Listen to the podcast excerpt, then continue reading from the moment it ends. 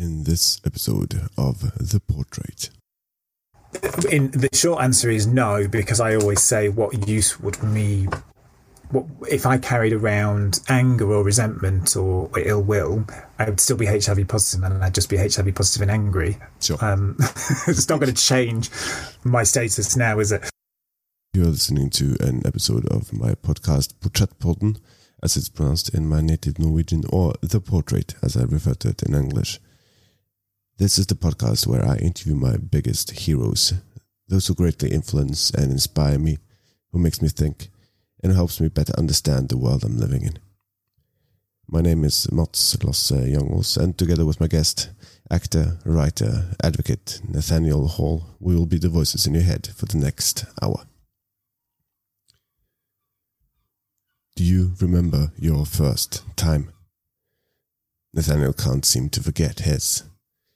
To be fair, he's had it playing on repeat for the last 19 years.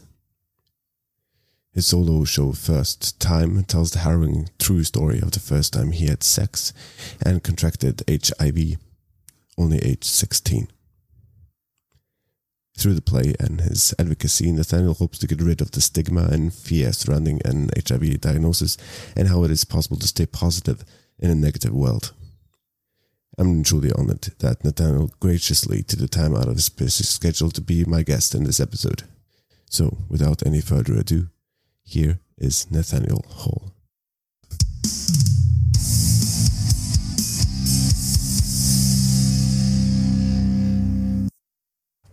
Yeah.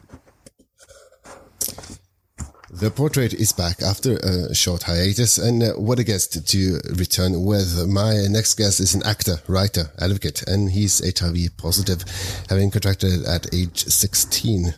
His Tour de Force one-man play, First Time, tells his story in a beautiful, harrowing, and poignant show, having received five-star reviews all over the board. Uh, you've also seen him in It's a Sin on Channel 4 in the UK or streaming here on HBO Max in Norway. Um, so, how do you use theatre to tell stories of trauma? And what it's like to be HIV positive today? That's some of the things I'd really like to learn more about uh, with my next guest, Nathaniel Hall. Nathaniel, how are you? I'm very well, thank you. Thanks for that wonderful introduction. well, always, uh, always a good idea to start off on, on, on the best foot, I found. Um, yeah, absolutely. Yeah. Yeah. um, we'll naturally get into uh, first time and uh, your your work as an actor and, and, and writer and uh, the aftermath of of, of all that. Um, but I, I usually uh, try to find out what what I have in common with my with my guests, just to uh, create a, a, common ground before we get into difficult questions. So we're uh, I figure we're both Northerners. Um, different countries, of course, but still. Um, we're both queer, we're both white cis men, we're both advocates against trauma and stigma, and we both use art to tell a story. We're both roughly the same age. Um, so that's what I uh, figure we have in common. What we don't have in common is what we're going to find out during the course of this episode. But let's start then with how does a wee kid from Stockport get into acting? well, I got into acting because my mum um, was into acting. In fact, I was in my mum's uh, tummy when um, when she was pregnant with me while she was on stage. So that was I always say that's how I got the acting bug. But I mean, my mum was my mum's always been into um, like she runs um, an amateur community theatre group.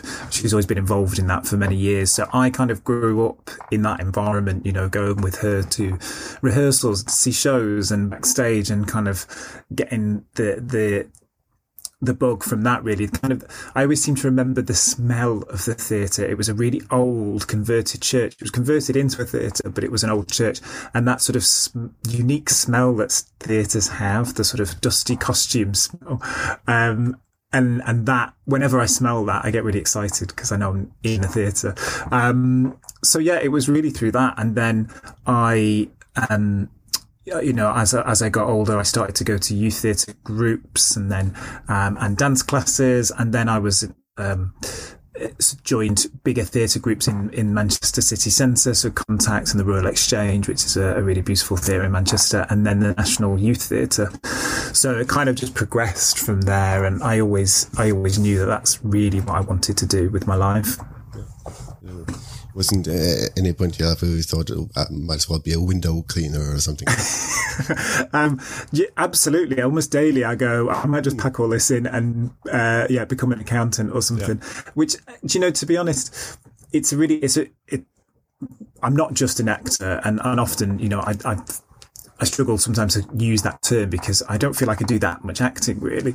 Um, but um, but I run a theatre company as well, and all of my work is creative. You know, I'm a writer, I'm I'm a I'm a public speaker, I'm a director, a creative producer, all those things.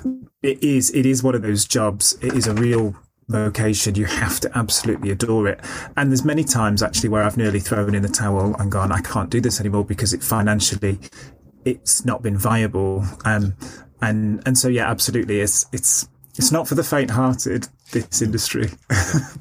Uh, also, if, if most actors that are, at least that, that I've talked to have this, this sort of uh, uh, imposter syndrome, but all, all, of them want to be accountants. So I actually I don't want to be accountants. I do enough spreadsheets. I've just finished doing a spreadsheet before we came onto this uh, to do this podcast. All I said to my producer the other day, I said, all I've seemed to have done for the last four months is spreadsheets and apply for money, which is great because actually, you know, hopefully that will all pay off and then there'll be a period of being creative. But sure. that's that's the reality, you know. If you're particularly as, as I am running a theatre company, you've got to find the money from somewhere and you've got to finance it. So you know, so that's that's the reality of it. So I do say to people, if you want to get into this, you know, be prepared for that, you know, as well as the amazing fun bits, you know, like actually acting or performing yeah. and doing creative things. Mm-hmm. Uh, there's uh, there's a lot of uh, spreadsheets and and manual menial tasks behind the I don't know acting with Stephen Fry in a TV show and and yeah, so the, the, the glamorous part is, is like the top of the iceberg. Um, let's, let's dive a bit uh, deeper into the, into it then. So, so, um, uh, you, uh, as I said in the in the uh, introduction, you uh, got HIV uh, when you were sixteen. do, do, you mind just I'm sure you've told the story dozens of times already, but uh, do you mind t- telling the story again for my listeners? Yeah, absolutely. So um, I grew up in Stockport, which is um, a, a, a medium-sized town in Greater Manchester, so it's very, very close to the city centre of Manchester. Um, and I had a really lovely, you know, uh, middle class upbringing. Um, we um, lovely parents. I've got two older brothers and a younger sister, you know, and have really fond memories of growing up as a child, but always knew that it deep down that there was something different about me and and and you know as a child not quite understanding what that difference was and you know and as i as i approached you know, 16 and was going through puberty, obviously I started to realize that that difference was that I was, um, I was gay. And that was really tough. That was really, really hard because I like to think back to the world that I grew up in. And I thought it was a really progressive, you know, world and, and a really kind and caring world. But actually for, for LGBTQ people, it really wasn't here in the UK. I, I left school in 2003 um, and up until that year, um, right from the from the late 1980s onwards, there was legislation that stopped schools um, talking about homosexuality in any positive manner. Um, and so, sex education, relationship education, which was already pretty poor anyway, was almost the the talk of you know you may you may be different you may be attracted to the same sex you know you're you're you're you may feel that you're not in the same gender or whatever. Those conversations did not take place ever, and and homophobic um, bullying was not was not dealt with. So I was bullied quite relentlessly, really, because obviously I was different to the other boys. I liked drama, I liked dance. You know, I wasn't into football. You know, all those kind of things. And at age sixteen, I was um, I was head boy at my school, so I was um, also bullied for that as well. But um, I was I was sort of secretly having I'd had girlfriends all the way through school, obviously, and uh, and and then I was having a sort of a secret affair with the deputy head boy, but I always say that you know Stockport in 2003 really wasn't ready for for us. You know, I wanted to go to the prom with him. You know, that was that was the dream. Mm. You know, like you see, I don't know if people know the the the film everybody's talking about Jamie, which is about um, a, a, a, big, you know, really really big story from here in the UK. You know, that was what we're talking about. Like trying to go to the prom with a boy in your arm was, you know, non-existent. And so, uh, I I actually met someone who was older than me, which feels like sometimes a rite of passage for LGBTQ people, or it certainly did for my generation anyway. If I think about, you know, growing up in secrecy in the kind of nineties and noughties or whatever. Um, so I was, I met this guy on a park bench in Stockport, and actually I was waiting for the cream tuxedo that I wanted for my prom, um, and I decided that because I couldn't go with you know with a boy on my arm that I would make a statement still. So I had to have a cream tuxedo. Everyone, everyone else wore black, you know, but I had to be different in some way. Um, and it was that that twist of fate that led me to meeting um, this guy who was older than me on a on a park bench um, he was 10, about 10 years older than me. Um, and we hit it off and we started, you know, uh, a relationship. And for me, it was very exciting and thrilling and validating and, you know, all those things because all of a sudden somebody was showing me all this attention and it was what I obviously craved. And maybe a little bit, you know, I knew it was too kind of too old for me. Maybe it was a bit of a two fingers up at my kind of safe middle class, you know, upbringing. It was kind of like going out to bars. You know, I was obviously underage and all that stuff. And then as a result of that, that was a kind of a summer romance. And as a result of that, um, I got very sick. I was on holiday in Menorca with my family and I got very, very, very poorly. I was, well, let's, well, from both ends at the same time. Let's just put it that way. Um, and um, I came home from that, and we saw the emergency doctor, and they said a waterborne virus, probably from holiday. It'll get better. And I started college um, in the the autumn. Um, my my parents by that point had sort of found out about this guy. We'd had a conversation. My mum had sat me down and told me I was gay, which was made that easy. But but also, you know, they'd not said I couldn't see this guy. They're not that sort of parents, but they, you know, spoke of their disapproval and that kind of thing. So I called it off because, you know, I was, we were totally from different worlds and I was going to college and ready to, you know, have new exciting adventures there, I guess. And then fast forward to later that autumn, so in the November of that um, of that autumn, 2003, being very very sick, still not really getting better from that illness from the holiday. I'd lost about two stone in weight um, so I was, I look at pictures of myself. I was very, I looked unwell. My skin looked grey, you know, and I had a cough that I couldn't shake. And I started to get other symptoms, um, as well, uh, downstairs. So it's not, not the kind of symptoms that any teenage boy wants. and so at that point, I took myself to the, the, uh, the, the GUM clinic, the genitourinary medicine clinic, as they used to be called, um, um, at the hospital. Um, and they offered me a range of tests and they offered me a HIV test, which at that time you could refuse. You could opt out of that test. So I did. I opted out, but they obviously saw the risk that I placed myself under and then my symptoms, um, I, you know, that I was presenting with kind of matched up. So they continually sort of gently pressed and found reasons for me to come back to the clinic and ask me again. So eventually I conceded, um, and I took the HIV test and I found out um, after a two week agonizing wait for the result. Um, uh, it was two weeks before my 17th birthday, so I was still 16. Um, and that's when I found out that I was HIV positive, and that's kind of when everything changed forever. You are listening to The Portrait. I'm your host, Mats Lasse Jangås. I was going to ask a very stupid question. It always sounds stupid when I, when I, when I say it out loud, but what's going through your your head when you get get that? Yeah, I think um, people often ask me this, and it's really it is really hard. You know, we're also talking about something that happened 19 years ago now, um, and you know, I, I remember I remember very clearly walking down. It was a long corridor, and I'd been to the clinic a number of times, and there's lots of rooms coming off this corridor, waiting area, and then you go down this corridor and all these different rooms.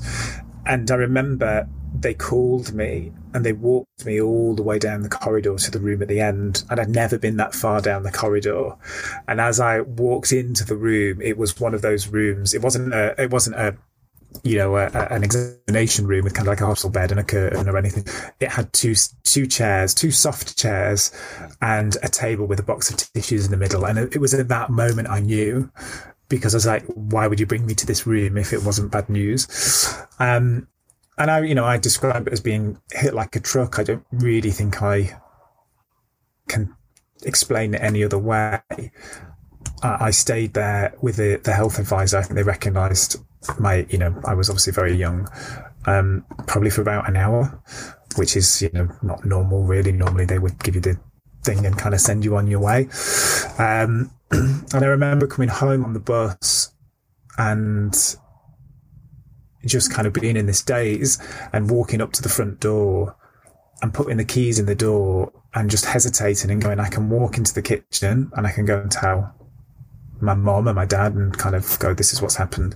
Or I can go upstairs and I can kind of run away from it in a sense. Um, and that's what I did. I went upstairs because, you know, at that point, the the the shame and the self stigma. I mean, it would continue to affect my life for years after that, but it was so powerful.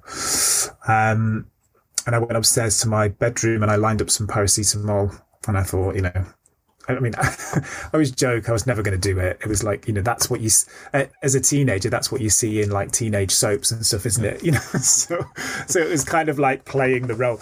But I, you know, the thought was there you know, and and we can kind of laugh it off in that sense. But the thought was there, and thankfully, you know, I put those to one side, and yeah, and then I just boxed it up really, and I just tried to get on with life. I just kind of told myself, well, that thing's happened, can't change it. Let's get on. Um, but I didn't tell. I didn't tell my family. Um, and I didn't tell many people for for about fifteen years. Yeah. Well, if it's allowed to say that you're you're lucky in such a situation, at least you're lucky it happened uh, when it happened and not in the 80s, for example. Yeah, absolutely. And I think, you know, watch something like It's a Sin or, you know, dramas or films around, you know, about HIV and AIDS in the, in the 80s and 90s. You know, I was, but uh, how lucky I was. It was, I was seven years after the advent of effective medication. You know, seven years. It's like it's not much at all. Yeah. Um, and and in fact, actually, the medications that were available when I was diagnosed were not like the medications that are available today. And the process for putting you onto medication was very different because the side effects were quite quite often very difficult to manage and handle. So, and it, and HIV medication is for life. So they, they married that up with, um, waiting as long as possible for you to not go onto medication. So, you know, that, that, that was five years for me. So there was five years of HIV multiplying in my body and damaging my immune system and making me feel worse and worse and worse until I was actually put onto medication. Um, and also before we knew that medication did what it did in terms of making your viral load undetectable so that you can't pass it on, which we now know scientifically. So also living with this this fear, this ang- constant anxiety about passing it on constantly, which obviously then impacts your relationships and your kind of sexual, your psychosexual well-being as well. Yeah. Today, uh, luckily, um, you're you're able to live a full full life and you're not in any risk of passing it on. And we have PrEP, and that is, uh, as far as I know, free uh, on the NHS now. Yeah, absolutely. So, yeah, like I just mentioned, the undetectable viral load thing. If you're on effective medication um, and your viral load is un- is undetectable, it, it, basically the virus is still in you in, in minute traces in in places, far-reaching places that medication can't get to, but it's not present in any uh, in a in enough quantity in uh, you know bodily fluids like semen and blood to to actually pass on. So so it means that you can have unprotected sex. It's 100 percent you know, proven across the world through a number of, you know, a whole range of studies. And yeah, like PrEP, pre-exposure prophylaxis, which is the drug that people who are HIV, HIV negative can take um, to stop them contracting HIV is very, very effective, is, is available for free on the NHS in England. But there are, there are challenges and barriers to people getting that. Not, not every hospital trust knows about it or kind of promotes it. And there are all sorts of reasons why people might either just don't know about it or um, or are afraid to ask for it as well. So there's still work to be done around that. Yeah. And, and speaking of that, well, uh, being HIV positive today it isn't a death sentence as as, as it used to be, but there's still a stigma there, right? Oh, absolutely. Yeah. I mean, people with HIV, as long as you're diagnosed relatively quickly, you know, and you don't live for a long time with HIV going untreated and you get straight onto treatment, there's no reason why you won't live um, a a longer life expectancy in some some studies are shown, and that's partly because um, people with HIV, you know, are regularly engaging with healthcare. I go every six months. I have every, I have everything checked, everything. You know, if there is any any minute indication of cancer or heart disease or you know any of those big things that worry us as we get into later life, they'll be picked up instantly. And then I think a lot of people living with HIV, like myself, you know, often go, I want to be healthy. So you look after yourself more, I think, when you've got a long term condition. Not not always, but you know, I think I think that is is commonplace between people I know. So so yeah, you know, life expectancy is is great for people on medication, and we have to remember that that across the world, access to HIV medication is not equal. And there are many countries where people don't have access to medication. It's a travesty that we have affordable, effective medication, and there are still people dying from AIDS related illnesses across the world. That just shouldn't be happening. Um, and that's in, in some countries, that's significant numbers of people as well. Um, here in the UK, we do still, we have very few deaths from HIV, advanced HIV or AIDS related causes, but we do have a lot of late diagnosis um, in in with HIV, and so we've got people with who've maybe got complications because they've been diagnosed so late, health complications, or as well if you know you've got it and you've lived with it for five. 10 whatever years and you you've you may you potentially passed it on to a number of people so it's really important to remind people about getting tested as well because regular testing is is the only way that will actually eradicate HIV eventually. I think also might, might, might just be me reacting to to the, the stigma and, and the, the, how it's framed in, in the media. But I, I uh, needed to take a HIV test twice in, in my life. Um, uh, once after I was uh, was raped. Uh, that was just standard. I had no no no choice. Um, and uh, once recently uh, after I came back home to Norway, both negative. Uh, mm-hmm. um, I'm glad, but the, the, the, the, I don't know, two hours or something I waited, the worst hours of my life. So I can't imagine what it, what it's like when yeah. Nick comes back positive. Yeah, but if, I mean, I mean, thanks for sharing that with us. But I think the the the the interesting thing for me to to say is that the fear that you felt in those two hours is is kind of to minimize the fear because it's there and I felt it when I got tested and I know people feel it when they get tested. It really shouldn't be there because HIV is completely treatable. Mm. Um, and particularly if you live in a Western nation with good healthcare or good access to healthcare, then in the majority of cases that is, that is covered under, you know, universal basic healthcare plans or, you know, in, in NHS here in England. And and it is that fear that comes from the stigmatization of the disease in the early part of the 80s and 90s um, and you know how it was it was framed particularly in the western world as you know gay bisexual men you know um, people who were promiscuous drug users it was kind of their fault you know. Um, and and then also from the African perspective as well, you know, kind of there's a racist element uh, added into that as well but that fear around it just really, sh- really shouldn't be there. My my doctor says to me, "I'd much rather diagnose you with HIV than diabetes," mm. and people don't live daily in fear of getting diabetes, you know, or, you know, or, I, you know, there are other sexually transmitted infections that are much harder to treat, different types of hepatitis, you know, and there are, you know, there are rising strains of syphilis is back, you know, here in the hmm. UK particularly, you know, th- third stage syphilis is untreatable. so, so the, it's, it's, it's really interesting to me as an activist when I talk to people and I totally understand it, but that's why we have to do all this work to remind people that actually out of the STIs, you don't want to get you like you don't want to go shopping for for HIV. Life without HIV is much easier, but it is not it is not something to be feared in the way that that has kind of been ingrained in us from from kind of uh, messages from the past. And and also you know when we watch things like TV dramas that are r- rooted in the past around HIV they're great and obviously we should document that time but I think sometimes they play into that fear and that cycle of fear. Mm. and and it's, it's actually great way to think about it because mo- most people aren't uh, lying awake at night fearing having diabetes or high cholesterol or whatever. Uh, um, yeah, uh, again, we're we're we're sort of in uh, inverted commas uh, conditioned to to fear the the, the great HIV.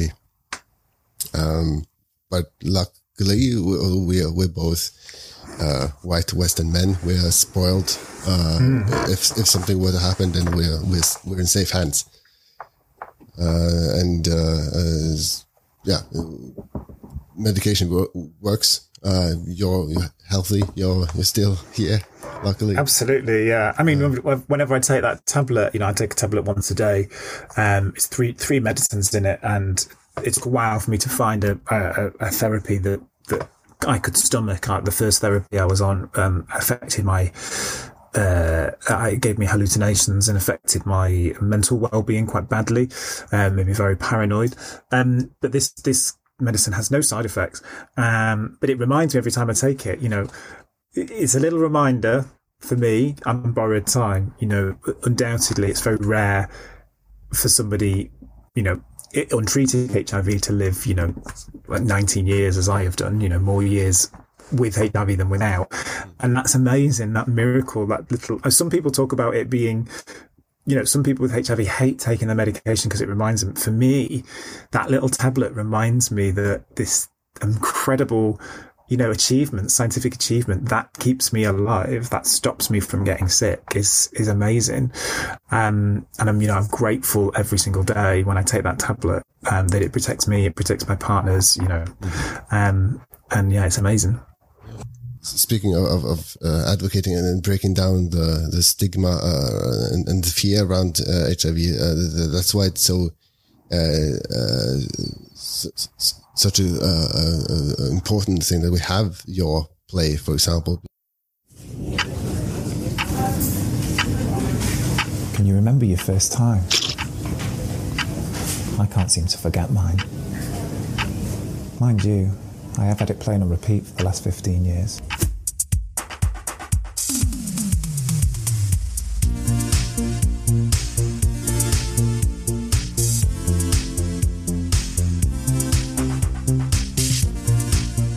Nathaniel's emotional and breathtaking solo show First Time tells his very real, personal story about contracting, living with, and dealing with HIV. First Time smashes through the stigma and shame of HIV to present an uplifting and inspirational guide to staying positive in a negative world. First presented by Dibby Theatre and Waterside Arts, First Time went on to critical and audience acclaim on tour of the UK and at the 2019 Edinburgh Festival Fringe seeing the point of view from someone actually living it, uh, that brought a whole, whole, new perspective to for me. So, so, I, I, well, I, I, didn't have that fear anymore, and uh, I felt now it isn't uh, the dangerous ghost uh, lurking in, in, the corner as as it, as it used to be. Uh, so, um, uh, what was the, the, the main uh, motivation, I guess, for, for, for telling your your your story uh, on stage? Uh, well, I always say to people, my, my, one of my main reasons was no one was giving me any work. um, I would say as an actor, well, just make some for yourself. Like, um, I think the the reason um, that that that was one of the driving factors, but actually that was linked to where my life had gone in relation to the the shame and the self stigma around HIV and around my sexuality as well. And in 2017, I was.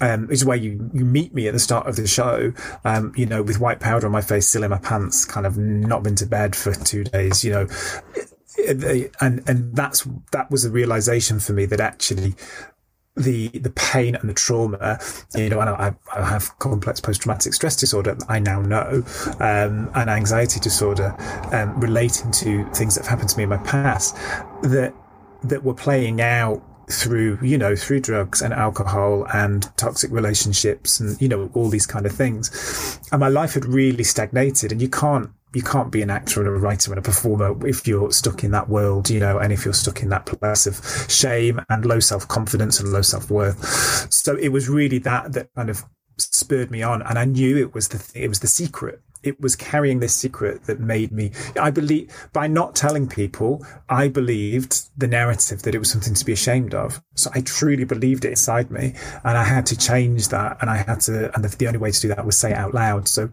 making the play was this way to kind of force myself because I tried for so many years to be more open about my HIV status. And so when I started, started to write the play as a therapeutic thing, but then when it got commissioned, it was like, oh, right, okay, the train has now left the station, you know, and he's going to arrive very soon. So I have to tell my family. And I did. I wrote them a letter and, and it was this kind of process of forcing myself to be to be authentic, to be honest, to be truthful, and to rid myself of the shame. To go, look, these are things that have happened. I've done some bad things in my life. I've done some great things in my life. I've been a good, you know, no one's all good and all bad. You know, it's just kind of getting it all out. And then also as well, there was a sense that, like you said, around portrayals of HIV, they're often rooted in the early part of the HIV and AIDS epidemic. So they're often rooted in in illness, uh, disease, death, dying, uh, and also kind of the fight for better healthcare. And that's totally fine. Um, and they're really important stories. But as someone living with HIV, I just didn't see, you know, people like me living with it. So I wanted to tell that story. And what does it feel like to live, you know, with a stigmatized, with probably the world's most stigmatized illness? What is the impact and how do you, how do you explain to people that, that thing that the feeling of stigma because if you've, not, if you've never felt it, you've never experienced stigma, you don't understand it. So I was trying to express what that felt like. And, you know, and there's a new generation as well. I think, I think I'm in a middle period. We've had sort of the AIDS era, the advent of medication, and now we're moving into this kind of new era with prevention, preventive methods like PrEP, and also moving towards injectable drugs and hopefully towards a cure and, you know, reducing transmissions. The, the, the goal is to end all new transmissions um, by 2030. So, you know, there's going to be, a, there's a whole new generation that are younger than me, or well, not younger than me, but diagnosed more recently than me, um, who have a different relationship to their HIV as as much as I have a different relationship to people who lived through the 90s and eight, uh, 1980s and 90s as well.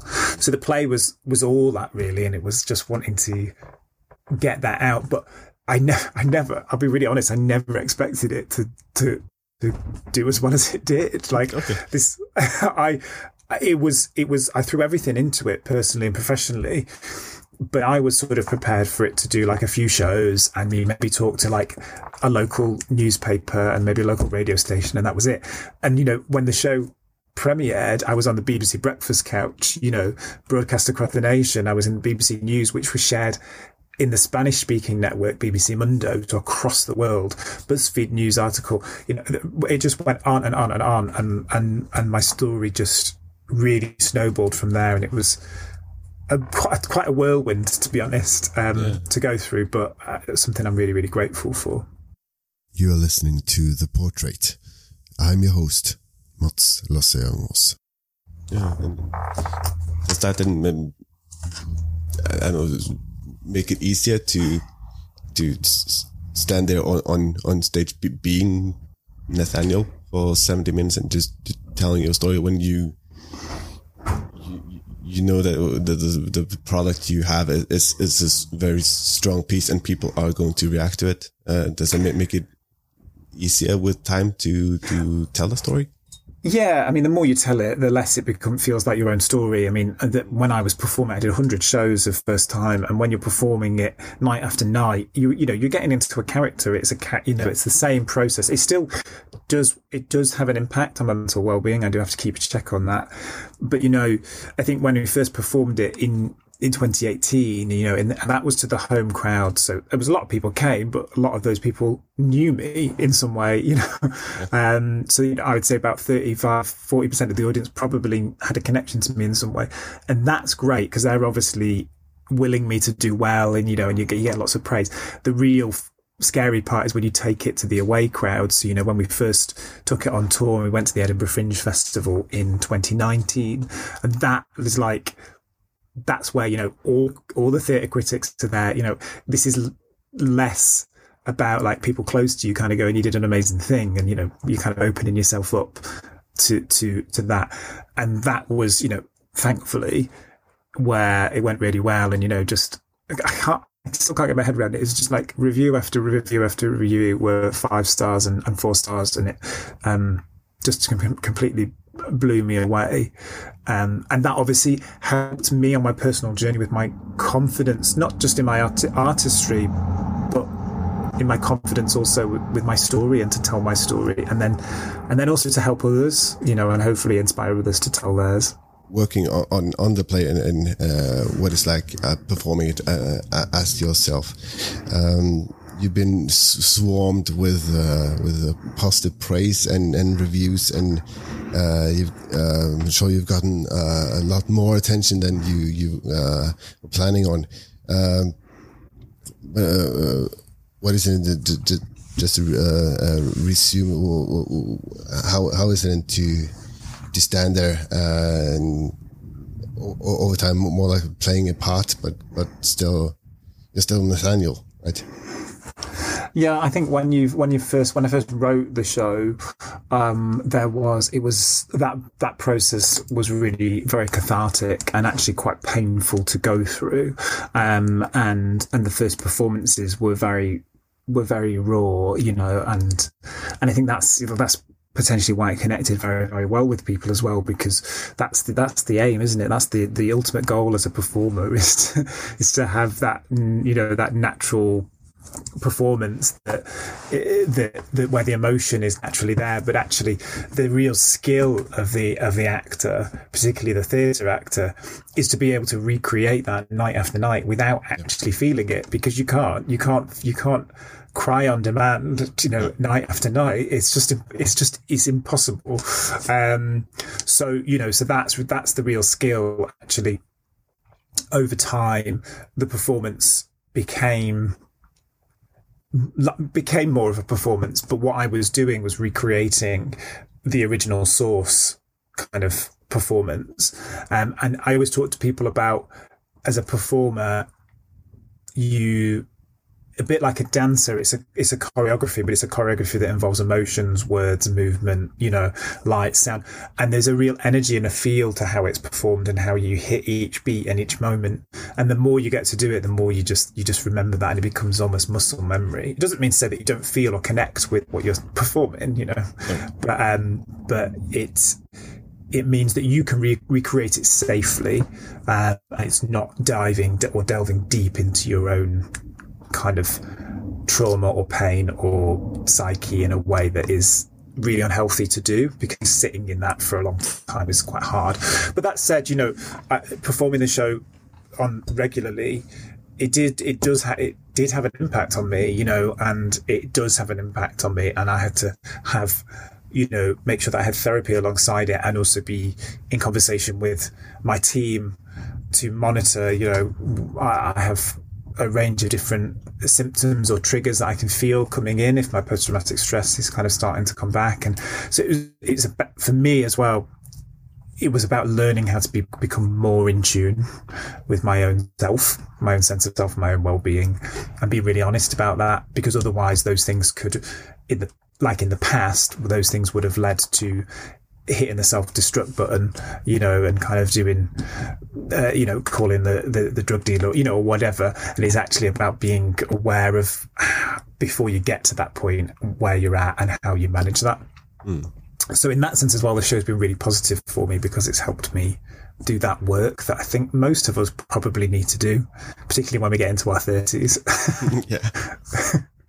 A lot of soul searching going on the, the second yeah. you turn 30. Yeah. Yeah.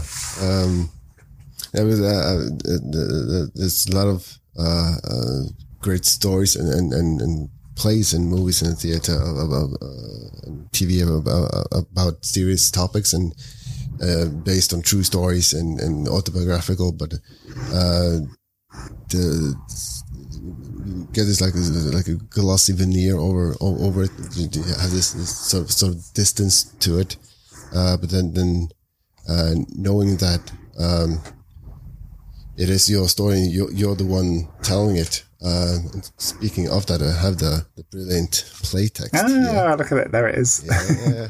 Uh, I still haven't gotten signed though, so uh, I'm working on that. Uh, that's, that's, a must buy for, for anyone listening to this. Um, uh, with that being out in the world and uh, well, theater being theater. Uh, uh, have you ever been approached by someone wanting to do your play and play you? we we have actually. I've had a few approaches. Um, at the when whilst the show on tour, um, because that because it's a licensed play, it's licensed by Nick Hern Books, so um, you'd have to apply for a professional license. And while there's normally you wouldn't allow another show to be happening whilst one was, particularly not in the same country anyway. Um, but you know, we've they've we've talked about it being licensed for other performances.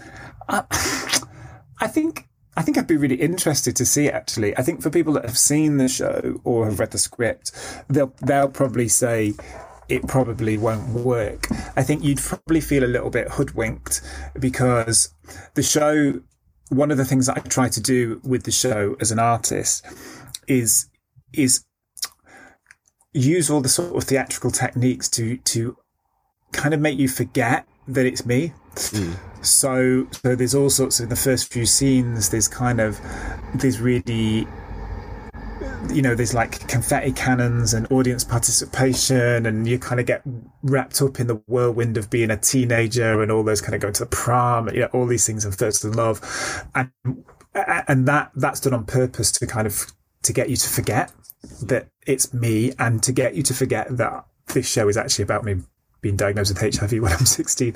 And so when you hit that point in the play, you're all of us sort of reminded, and there's a scene directly after the diagnosis where I kind of just don't know what to do.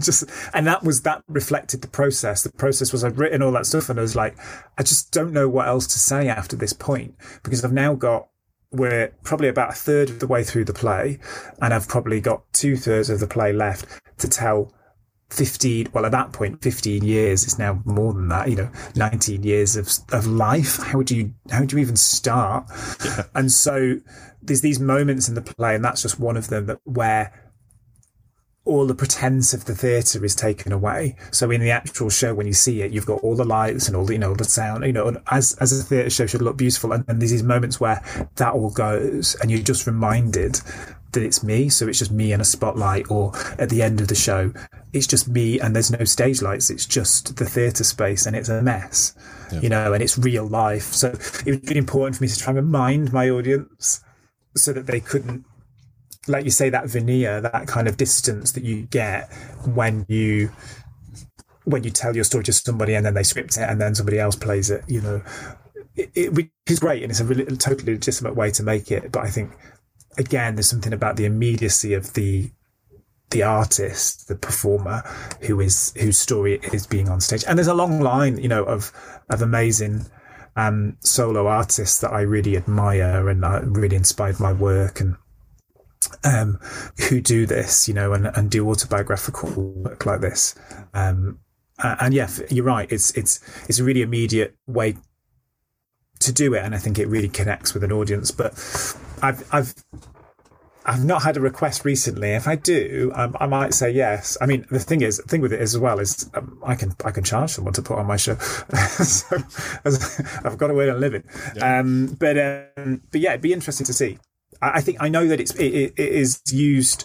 Um, it has been approved for use on uh, the GCSE exam syllabus. So for for 15 and 16 year olds doing their exams in drama, they can actually use sections of this text and it's approved. So maybe there are some some teenagers somewhere reading sections from my play and hopefully getting good grades with it.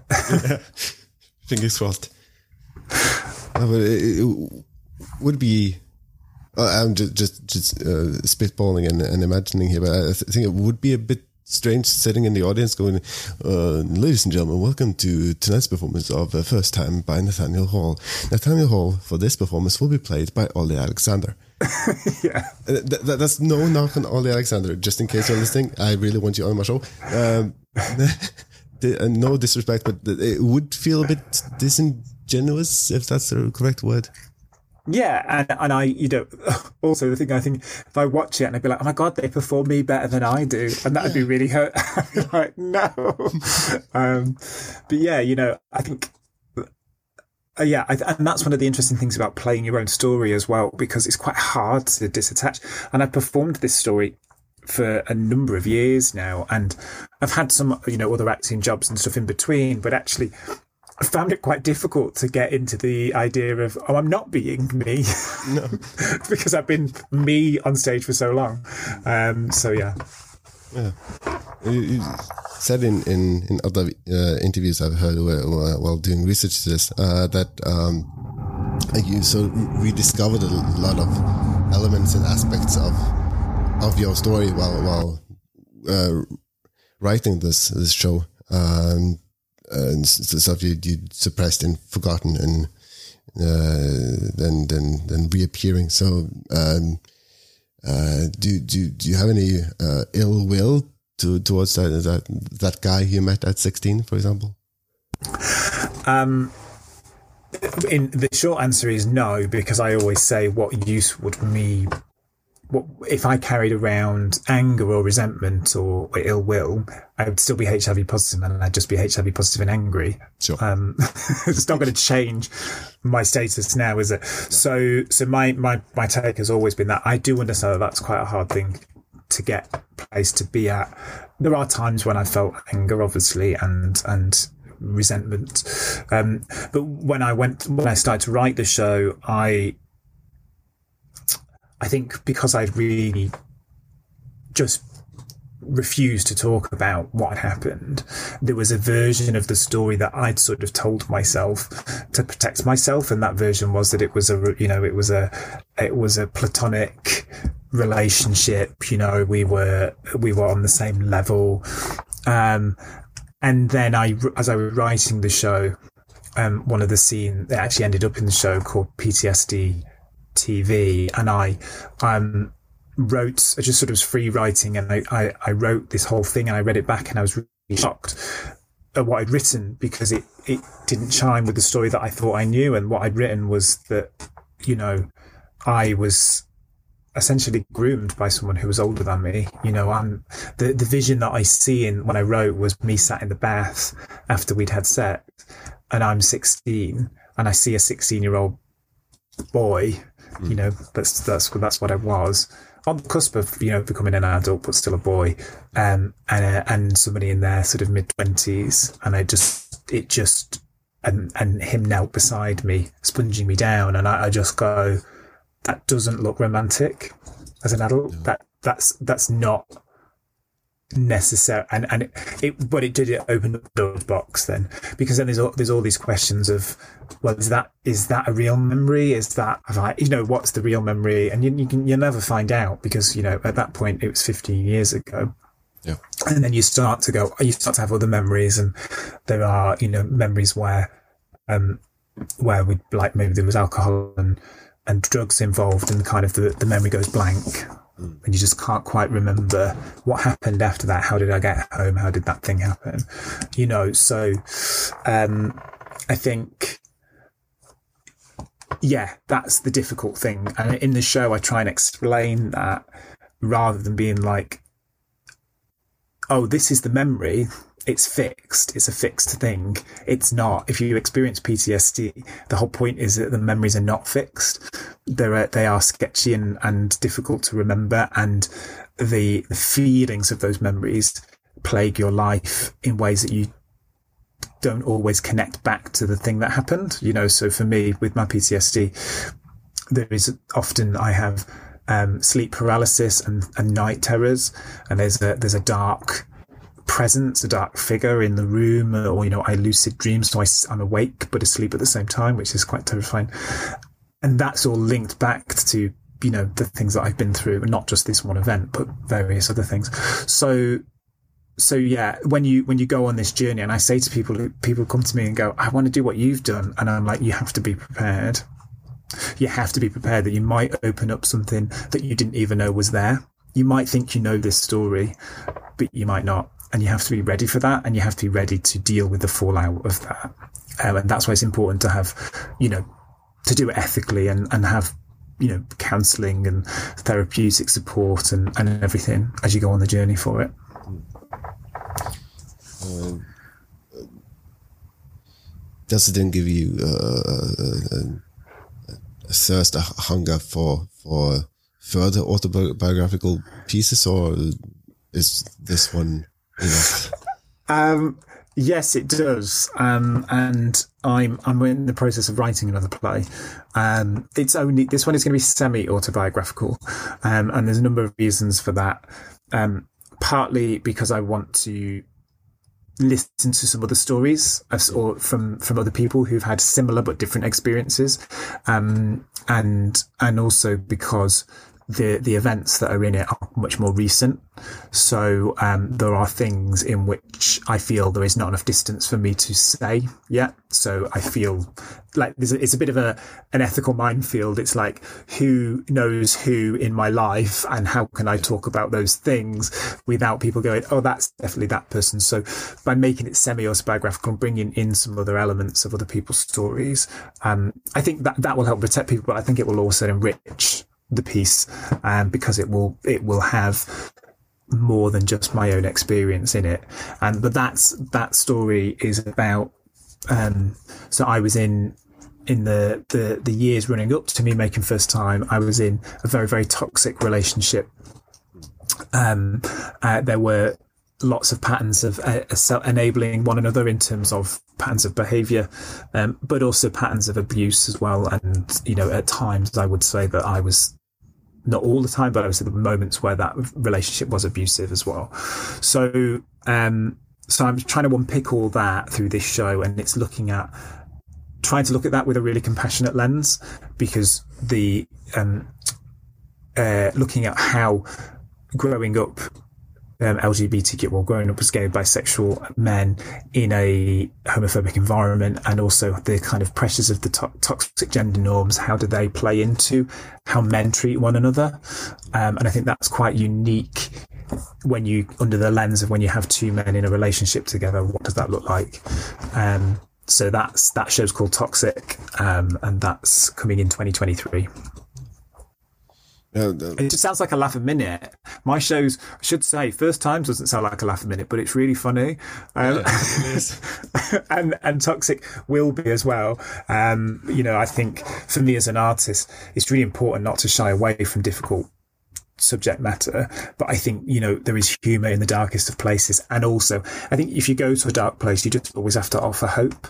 Yeah. I think for me, there were always, I can't, I, I, hate going to see, watching something that ends on a bleak note. I'm like, mm.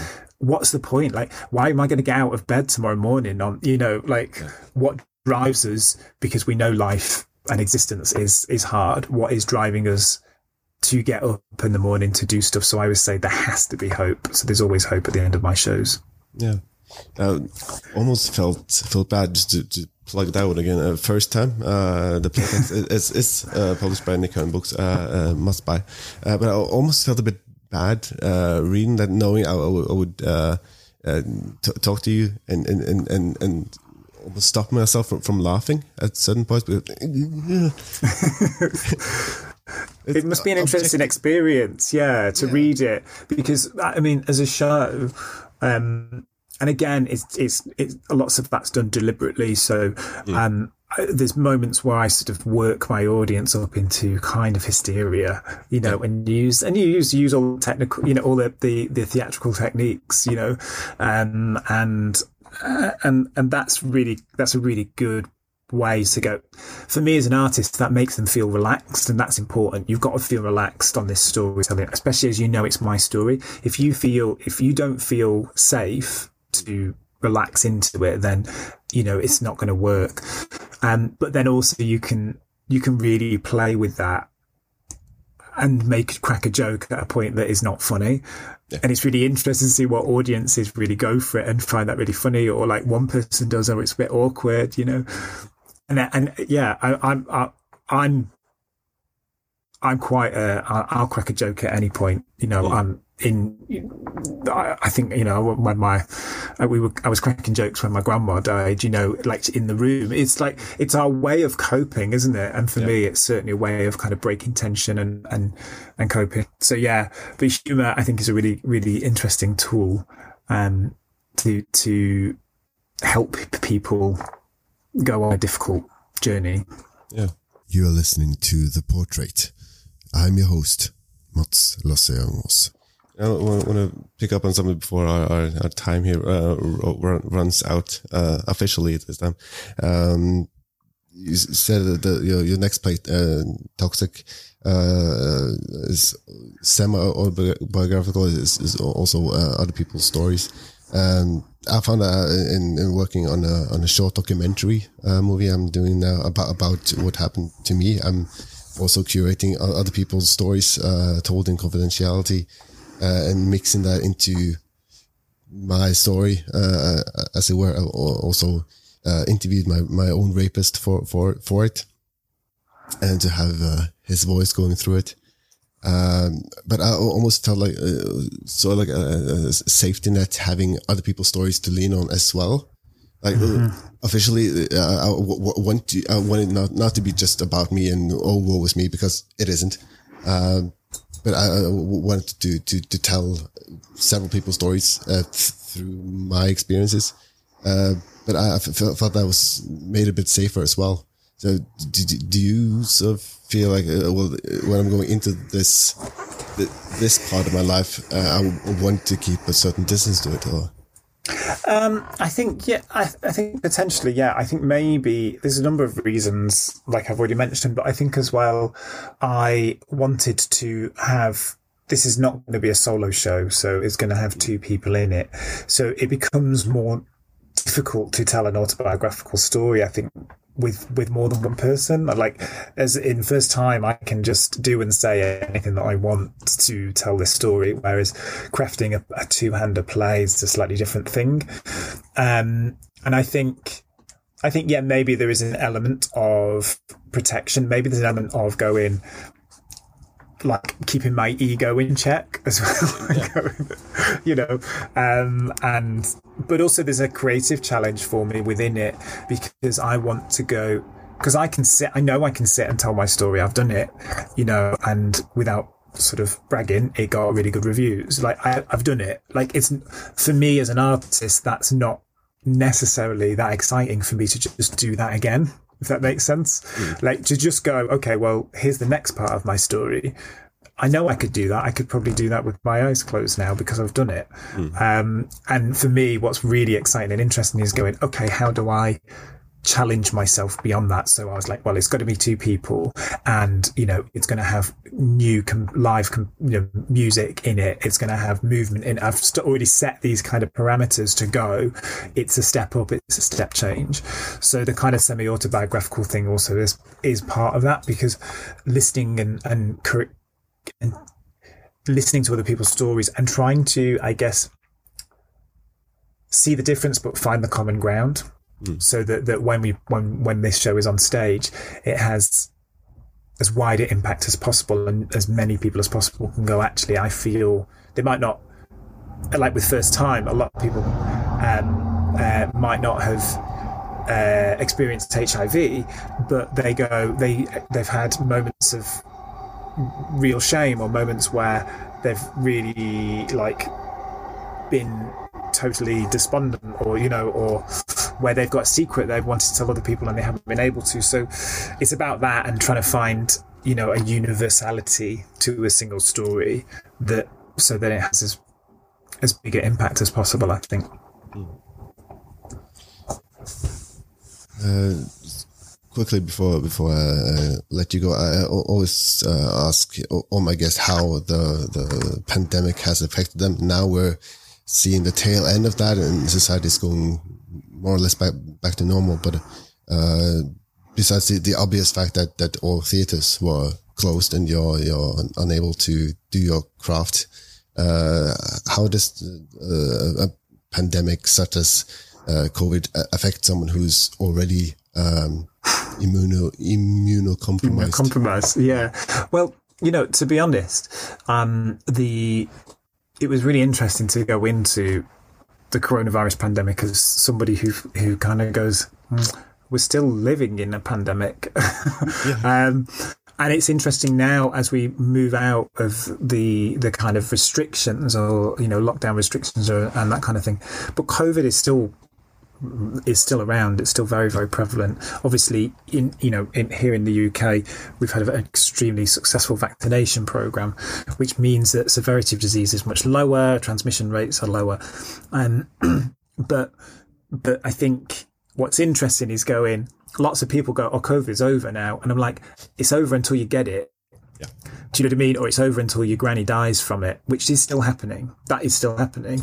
But because it's not we're not sat in that lockdown thing with the news rolling on it. We go, it's over, and that's what it feel. That's what it felt like. HIV. It feels like the 1980s and 90s finish, and we got medication, and everyone just kind of went, HIV is over now, isn't it? And actually, you know, 38 million people live with HIV around the world, and 37 million people have died from AIDS related causes and continue to do so. It's it's not a pandemic or epidemic by the official title, but it's still there.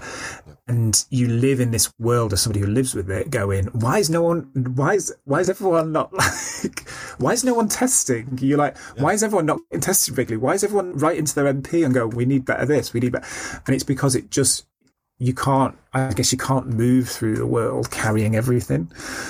Do you know what I mean? You can't carry all those those issues and problems. So it's interesting to me to see how we now got people going, oh, it's over, and I'm like, it's it's not over. The lockdowns are over. But for those people who are living with the consequences of coronavirus, whether that's they've lost, you know, people to it, or whether, you know, they are, you know, very, very clinically vulnerable and can't now still can't go out, um, that it's not over for them. But for me, you know, a, a HIV classed as immunocompromised, but actually my immune system's relatively decent. I've had coronavirus. Um, and um, it wasn't fun, but um, oh, you know, I re- I recovered from it. Um, but you know, for me, I wasn't. I didn't carry too much fear around contracting coronavirus. And I think that comes, I know a lot of people with HIV were fearful, but for me, there was a kind of, there's a kind of toughness. Like, I've already, like, hit me. Like, I've already got this thing. Like, yeah. I know, I know that, that these things transmit and move around and no matter what precautions are put in place or that society puts in place some people will get it you know no matter how many precautions you put in place around hiv people will get it. Like it's just something that you have to reconcile and make peace with. Otherwise, you would live in frozen with fear. You know, you wouldn't do anything. So for me, I think I hopefully struck a right balance. Um, and professionally, it went really, really well because it gave us time. Although the theatres were closed, it gave us time to sit and reflect and plan and of go, what's next and what, what, why are we doing this? Do we want to do it? Um, what's our ethos? What are our values? and that was really important. So, so thankfully, it wasn't too much of a um, challenging time for me personally. That that's that's good to hear. um, once again, uh, third time's the charm. Uh, first time, uh, the playtext is available to buy by Nick, uh, from Nick Books. Uh, do so. Um, and check out this episode. Check out It's a Sin on Channel 4 or on HBO Max here in Norway. Um, but in all sincerity, uh, guys, especially you guys listening to this, get tested. Just, just do it. Um, Absolutely, I couldn't put it any better. Get tested. You know, if you're worried about it, you know, tell someone close to you, get that support that you need. But, um, but you know, it's you can do home testing kits in many many parts of the world now. Um, it's a very simple procedure. You know, we're so used to testing for coronavirus. Mm-hmm. You know, it's no different. Um, and look after your sexual health. You know, if you're sexually active, then getting tested regularly is really important. And check out PrEP as well. You know, if you are sexually active, um, to see, go and speak to a sexual health advisor and go, is it right for me? Is it something that I should be taking? Because it's not for everyone. You don't, not everyone needs it, but you should, if you are sexually active, have that conversation and, and find out whether it's right for you, because that is a really important tool as well to protect yourself. You've been listening to an episode of The Portrait with me, Mats Lasse and my guest at this time was Nathaniel Hall.